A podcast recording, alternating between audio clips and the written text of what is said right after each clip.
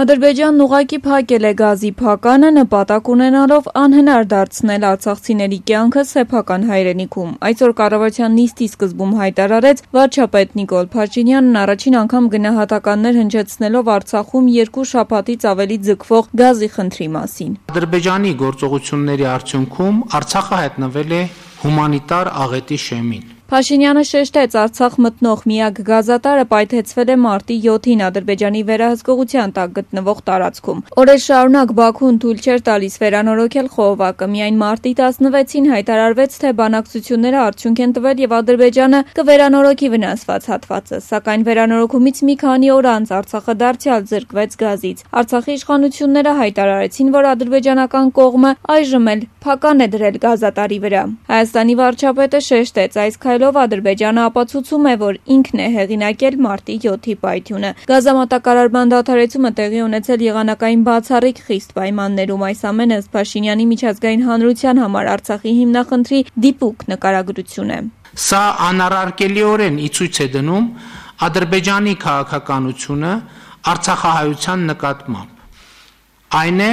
անհնար դարձնել նրանց ապրելը սեփական հայրենիքում»: Փաշինյանը անդրադարձավ նաեւ այս պայմաններում խաղաղ դարաշրջան բացելու իշխանությունների ռազմավարությանը եւ դրա շուրջ հնչող քննադատությանը: Պնդեց. -Այդ քաղաքականությունը այլընտրանք չունի: «Իր այս գործողություններով, զանազան սադրանքներով Ադրբեջանը փորձում է մեզ շեղել խաղաղության օրակարգից, դելեգիտիմիզացնել այդ օրակարգը»: Վարչապետը նաեւ ուղիղ կապ է տեսնում Ադրբեջանի ուղարկած հինգ առաջարկների եւ Արցախում ստեղծված հումանիտար ճգնաժամի միջեւ: «Ուշադրություն դարձրեք, Հայաստանը հայտարարում է, որ Ադրբեջանի ներկայացրած առաջարկները Հայաստանի համար ընդունելի են, իսկ Ադրբեջանը փակում է գազատարը եւ սա ամենամեծ ապացույցն է այն բանի, որ Ադրբեջանի քաղաքականությունը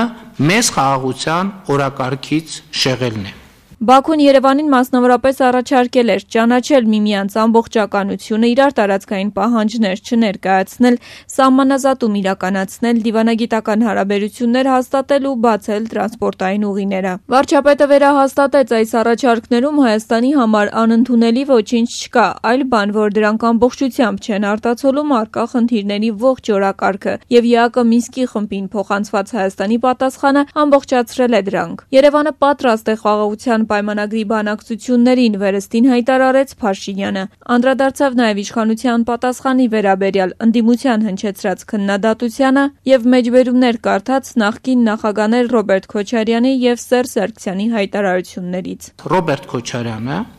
Երեւանի Զվարթնոց օդանավակայանում լրագրողի հարցին ի պատասխան բառացիորեն հայտարարել է. «Եթե մենք ընդհանուր խոսում ենք տարածքային ամբողջականության մասին, ապա մենք չպետք է ասենք, որ դրա դեմ ենք: Մենք էլ տարածք ունենք եւ մենք եւս համարում ենք, որ այդ տարածքը կարիք ունի նման սկզբունք հարգելու համար»: Նրանից հետո Սերժ Սարգսյանը նույնպես երկար տարիներ բանակցել է ԼՂ հարցի կարգավորման մասին, որպես կարգավորման հիմնարար սկզբունք ընդունելով, այդ թվում տարածքային ամբողջականության սկզբունքը: Այնպես որ այստեղ որեւէ շահարկում տեղին չէ»: Փաշինյանը ընդգծեց նաեւ սահմանների դելիմիտացիայի եւ դեմարկացիայի աշխատանքներն արագացնելու անհրաժեշտությունը: Հիշեցրեց սահմանից զորքերի հայ-լայն հետ քաշման Հայաստանի առաջարկը, որտեղ կողմնորոշիչ պետք է լիներ խորհրդային ժամանակների Հայաստանի եւ Ադրբեջանի դե յուրե հաստատված սահմանագիծը: «Բայց ուզում եմ իմանաք, որ բացի ամբողջական ետ քաշումից, մենք հանդես ենք եկել նաեւ տեղային ետ քաշումների առաջարկներով եւ այստեղ էլ սպասում ենք Ադրբեջանի արձագանքին: Մասնավորապես Երասխի հատվածում առաջարկել ենք, որ իրենք մի քանի դիրք ետ քաշեն մեր տարածքից, մենք էլ մի քանի դիրք ետ քաշենք իրենց տարածքից: Այսպիսով երկուստեք կլուծենք վերջին մեկուկես տարվա ամենաթեժ կետերից մեկի հարցը»: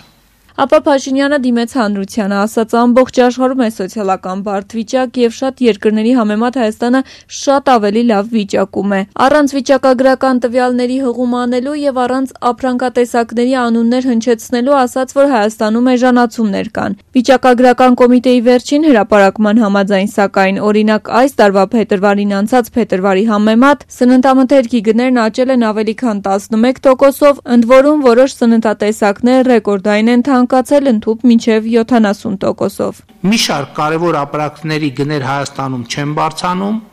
ըստ էության չեն բարձանա,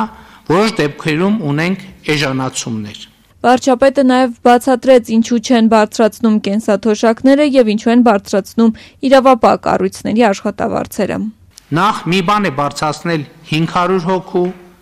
5000 հոգու, նույնիսկ 20000 հոգու աշխատավարձը, Բոլորովին ուրիշ բան բարձրացնել 550 հազար հոգու թոշակը կամ 600 հազար հոգու աշխատավարձը։ Վերջում Փաշինյանը արձանագրեց Հայաստանը գտնվում է երրորդ հանրապետության պատմության ամենախաչմերուկային կետում, բայց կոչ արեց չհուսահատվել։ Ձեր բոլոր ցավերը մեր սրտում են,